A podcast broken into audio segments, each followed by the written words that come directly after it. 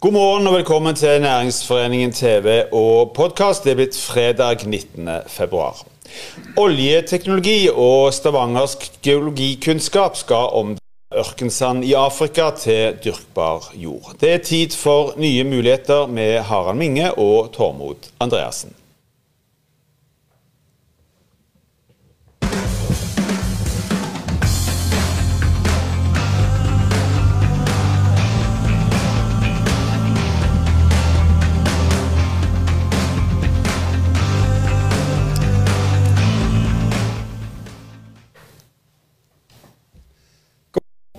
Fredag, og det betyr jo at vi skal snakke om nye muligheter her i Næringsforeningen TV. På toppen her i Rosenkildehuset, hvor vi jo vanligvis har uh, konferanser og seminarer. Men hvis ikke medlemmene kan komme til oss, så skal vi komme til dere. Hvordan har vi størst sjanse for å lykkes med omstilling her i denne regionen? Vi må ta utgangspunkt i det vi allerede kan for en god del ting er vi allerede verdensmestre på her i regionen. Dere vet hvor jeg vil hen. Det er nok å tenke på 50 år uh, med olje og gass. Et teknologieventyr helt uten like, som vi trekker veksler på i dag. Det er nok å nevne 100 år med vannkraft og vannkraftteknologi. Uh, enda uh, lengre periode med, med, fisk, og etter hvert uh, havbruk. Og Så er spørsmålet hva sier da forskningen om, om har vi størst sjanse til å lykkes med den? Jo, det er forankra i metodikken smart spesialisering. Handler om å ta utgangspunkt i det vi kan, og utvikle både nye produkter i nye markeder med basis i nettopp det. Vi har veldig mange eksempler i denne regionen på hvordan en har brukt oljeteknologi inn mot andre nye muligheter. Det kan være at uh, samme selskapet som lager ventiler til olja, og lager uh, kneproteser til helseindustrien, eller andre produkter til andre næringer. Og så finnes det ett eksempel i øyeblikket som skiller seg litt ut, og som det er grevlig kjekt å snakke om, og som måtte illustrere den kraften og de mulighetene som ligger i den teknologien vi besitter i jorden. Det er altså et uh, selskap som vil bruke oljeteknologi og stavangersk geologikunnskap for å omdanne ørkensand i Afrika til dyrkbare jord. Det er en teknologi som egner seg der, men òg som er anvendbare i veldig mange andre land innenfor veldig mange andre omstendigheter for å få opp eh, matproduksjon og forbedre landbruket. Vi snakker om Desert Control. Vi skal ha med oss Ole Kristian Sivertsen i studio. Han kommer inn om ikke så veldig lenge. Men først, som vanlig, i egen høye person, jeg har med meg næringspolitisk leder i Næringsforeningen, Tormod Andreassen. Ja, takk, Harald. Og, og en fantastisk bedrift som vi skal snakke om. Men først så må vi snakke om noen av eh, dine bedrifter med denne bedriften. Eh, for vi hadde nemlig besøk den amerikanske ambassaden her for en tid tilbake, og Da var Desert Control med oss i møte med ambassadørene. og Hvordan gikk det? Harald? Det gikk veldig, veldig bra. Uh, Traff du helt planken med engelsken? Uh, på sett og vis så føler jeg jo at jeg, jeg, gjorde det. Det som er veldig viktig å huske på, det er trykket på S-ene. Hvis du f.eks. sier Desert Control, så er det greit. Hvis du sier Desert Control, så kan jo dette framstå som et selskap som jobber med å få kontroll på desserten. Og jeg kan ha vært litt uheldig. Uttalen akkurat der. Tormod, mm. eh, vi drar historien om eh, teknologien. Sant? Fra olje og gass inn mot fornybar energi, mm. inn mot andre eh, næringer. Kan du tegne opp det bildet der eh, fra ditt ståsted? For, for mitt sted, Det er jo et stort bilde. for du, du, du, Vi kan snakke om de store eh, megaendringene, vi kan snakke om de store bedriftene, vi kan snakke om de små endringene og de små bedriftene. For det er egentlig hele bildet. Det som skjer, er jo kapital med å flytte seg, interessesfærer er i ferd med å flytte seg, og fokuset er i ferd med å endre seg. og Det er veldig spennende. Um, og Det store bildet er jo det som f.eks. skjer innenfor batteriteknologi, med Hydro, Equinor og Panasonic. Eller du kan snakke om Beyond, som har hatt med oss i studio tidligere. Uh, du kan snakke om mange av de satsingene som Lyse uh, Energi holder på med. Vi kan snakke om, om havvind, altså gigantinvesteringer, teknologiutvikling og teknologi eventyr som norske bedrifter er med på der. Men det er òg små og mellomstore norske bedrifter som tar grep i nye markeder og prøver nye ting. Flere eksempler? Ja, altså for eksempel, eh, Fare for å ramse opp noen, for da glemmer vi jo. Eh, jeg kan være helt sikker på at jeg har glemt noen da.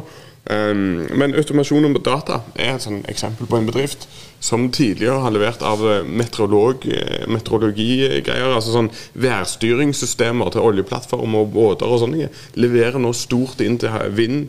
Du kan snakke om som vi hadde med oss tidligere her i studio. Vi kan snakke om til Kristiansen. Og så kan vi selvfølgelig òg snakke om dagens gjest. Men, men vi skal, og de skal vi snakke om. Vi skal snakke om Desert Control, Harald. Eh, de skal tjene, både tjene penger og redde verden. Hva, hva, er det noe som minner dem litt om? Nei, men Det handler litt hvorfor, hvorfor står du opp om morgenen? Hva er det som driver deg? Og uten sammenligning for øvrig, så tenker jeg jo på et uh, selskap her veldig stolte av. Eh, som har som visjon altså bidra til å redde én million liv i verden hvert år innen 2030. Jeg snakker selvfølgelig om, om, eh, om Lærdal Medical. Når det gjelder Desert Control, så er det jo litt av den samme filosofien. Sant? Det er jo å ta tak i et uh, samfunnsproblem, løse en gigantisk global utfordring, og samtidig kunne drive business og gjøre business på, på dette. Og tenk å tenke når du står opp. Og ikke bare at du skal ut og, og, og sørge for at uh, båndlinja er bra, men å gå til verket med et sånt oppdrag er jo fantastisk. Og den type muligheter har vi jo her i regionen. altså Framover så trenger jo verden altså De trenger helse og helseteknologi, de trenger energi og de trenger mat. Og heldigvis så holder vi jo på med de tingene der. Mm. Ja, for det er, jo, det er, jo, litt fascinerende. Altså, det, det, er jo smarte folk som står opp i denne regionen. Som står opp, og så går de inn i garasje eller er jo nettopp det. sant? For det at Innenfor eh, olje- og gassteknologien så er det utrolig mange oppfinnertyper som har stått rundt i garasjer og i kjellere mm. og funnet opp ting som har hatt enormt betydning for framskritt i, uh, i næringa. Og sånn kom jo egentlig Desert Control òg uh, til. Ja, en, en, kjeller eller en garasje på, på Vassøy eh, har, har, jeg lest meg til. Så, så, så, så ble den teknologien eh, utvikla og oppfunnet uh, av en som heter Ole Christian P. Olesen. heter han. Og sønnen hans var òg med, Ole Morten Olesen. Eh, brukt masse penger sjøl på å utvikle et selskap, og nå er de i ferd med å innta den store verden. Ja. Nei, men da tror jeg Tormod, at vi må ha inn gjesten, ikke sant? Eh, for det at eh, Ole Kristian Sivertsen er jo eh, sjef for dette. Eh, han kjenner vi godt til. Vi har jo hatt eh, Ole Kristian med oss på bærekraftskonferansen Pioner og i en del andre sammenhenger. Du er i ferd med å etablere dette det er ikke noe diskusjon om hvor uh, hovedkontoret til Desert Control uh, skal være. Uh, men Ole Kristian, velkommen. Det er veldig kjekt at du kommer. Gi oss nå sånn innledningsvis kortversjonen av Desert Control intravenøst rett i tinningen. Rett i tinningen. Jo, altså Desert Control adresserer jo globale problemstillinger. Og eh, Hvis en ser på den globale eh, forandringen i verdensbildet, så er det altså 12 millioner hektar med grønne, fruktbare områder som blir til ørken hvert eneste år. Det er eh, liksom vanskelig å forstå hva er 12 millioner hektar. Men det er altså 2000 fotballbaner i timen som går fra grønne, flotte, dyrkbare områder til sand og støv. Og eh, Hvis du da tenker på, på, hvor raskt dette går, så tar vi vikingstadioner og putter de etter hverandre. Strekker de ned over langs E39 ned til Kristiansand, så er det herfra til Kristiansand på en det er hastigheten av forfall av toppjord og ørkenspredning som Desert Control adresserer. Og eh, Hvis denne forfallet av toppjorda fortsetter i den hastigheten som vi ser i dag, så er det en fare for at det bare er en 40-60 år igjen av landbruk sånn som vi kjenner det i dag. Og Imens det skjer, så vokser vi òg som, eh, som, en verdensbefolkning. Altså, eh, En regner med at vi vil trenge mer mat i de neste 40 årene enn det kloden har produsert over de siste 500 årene. Og det å det krever jo en del vann. Veldig mye vann. Og allerede i dag så medgår mer enn 70% av alt ferskvann på kloden til å produsere mat, altså i landbruket. Og etter hvert som mer av denne toppjorda forfaller, så trenger du jo enda mer vann bare for å opprettholde den produktiviteten som vi har i dag. Og det er jo her Desert Control kommer inn. Enorme utfordringer. sant? Og så har dere teknologien. Og hva består den av? Jo, det Vi har gjort, vi har jo basert på olje- og gassteknologi eh, funnet opp en prosess som kan gjøre leire om til ei flytende væske. Nesten like tynt som vann. Eh, denne væska eh, den kan påføres på forfalt jord. Den kan påføres på etablerte jordsområder òg for å beskytte dem mot forfall. Og på den måten stoppe og reversere ørkenspredning og forfall av toppjord. I tillegg så ser vi at eh, forskningsresultatene viser at vi òg har en effekt på vannbesparelse på de områdene som er behandla med denne flytende leiren, oppimot 50% Og dere vet at det funker? Vi vet at det funker, og det har vi jobba med eh, eksterne selskaper på. Eh, for det er klart, når du driver eh, egenutvikling, og du har ivrige oppfinnere og gründere og, og, alt dette her, og har egne tester i felten, så kan det fort bli litt reven med. Og, og, og sånt, og Da er det viktig å få gode vitenskapelige bekreftelser på dette fra eksterne tredjeparter. Så vi har jobba med bl.a. et selskap ICBA, eh, International Center for Biosaline Agriculture. Eh, og De har nå i over to, snart eh, tre år kjørt eksterne valideringer av dette, feltforsøk, og bekrefta resultater som viser ja, på gresslandskapet 47 reduksjon av, av vann i, i, snitt. Og vi hadde òg et spennende forsøk gjennom fjoråret som, som gikk på landbruk og viste enda mer spennende resultater.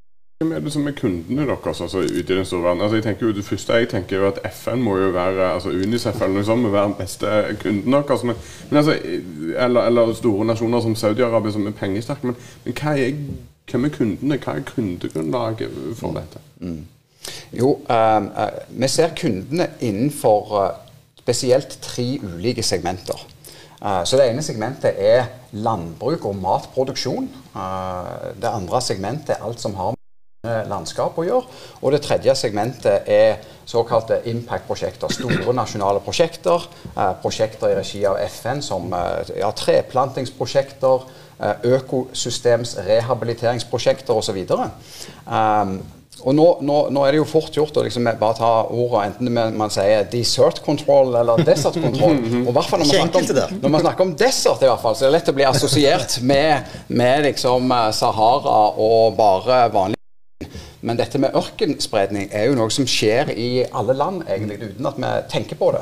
Det at toppjorda vår blir tynnere. Så dette, det er jo 110 land i verden som er marked for dette allerede i dag. Du sitter her oppe i Stavanger, og stort sett så er det null reising for tida. Uh, testene foregår jo nede i Midtøsten.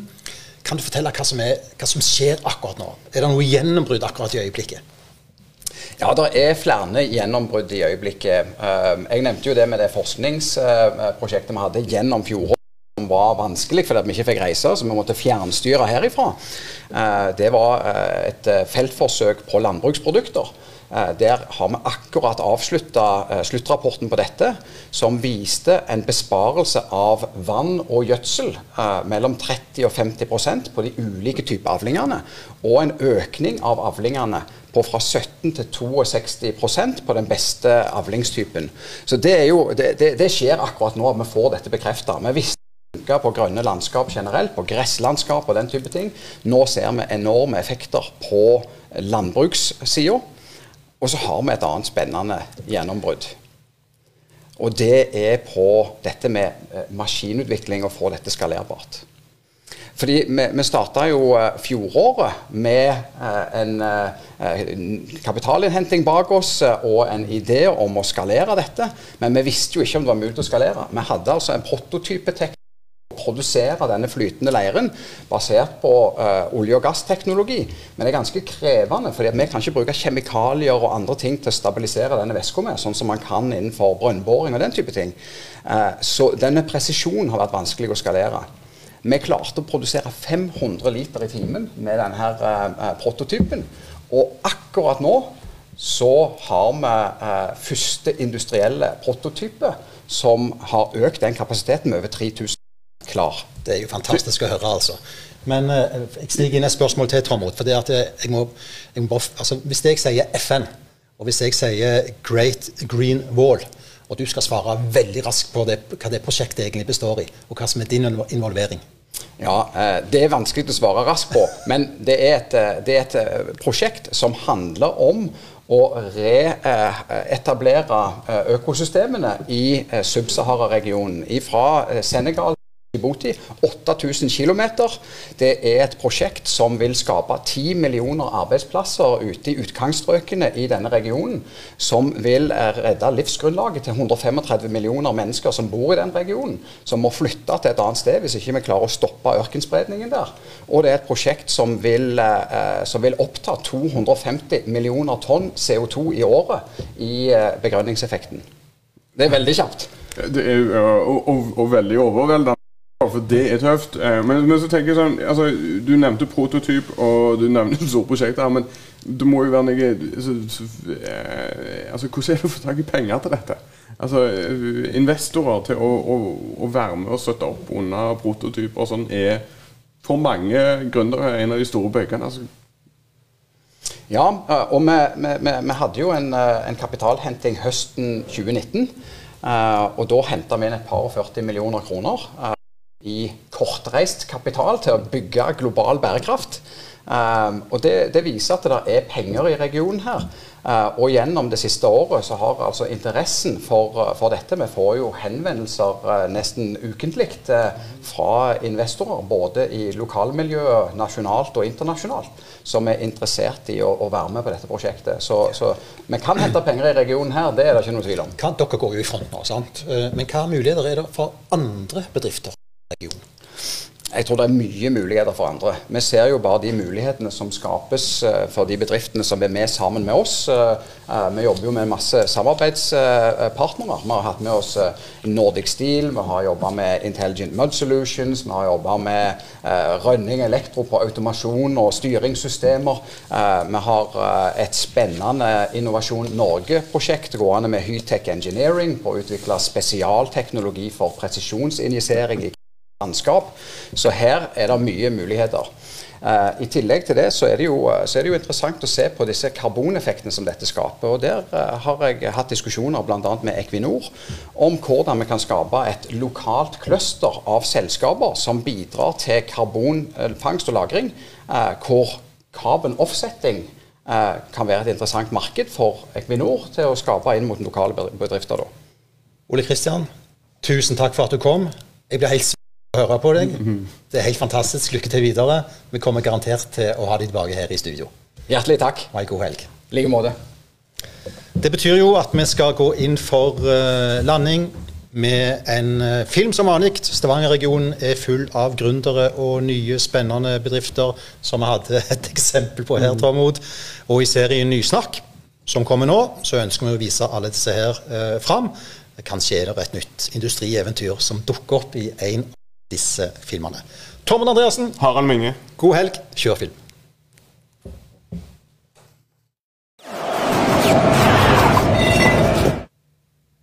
Hei, mitt navn er Alf Erik Malen.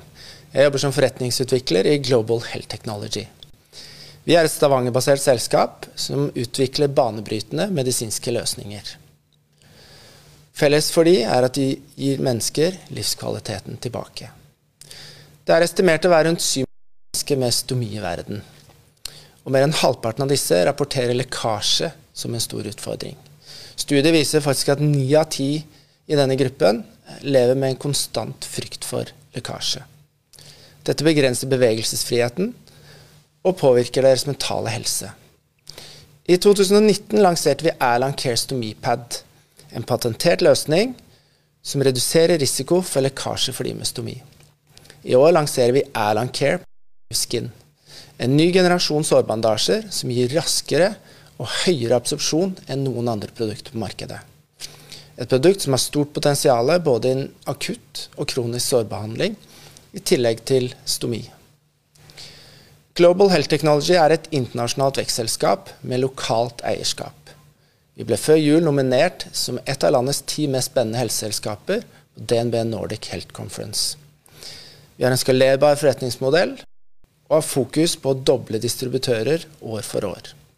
Potensialet er stort, men det vil kreve investeringer.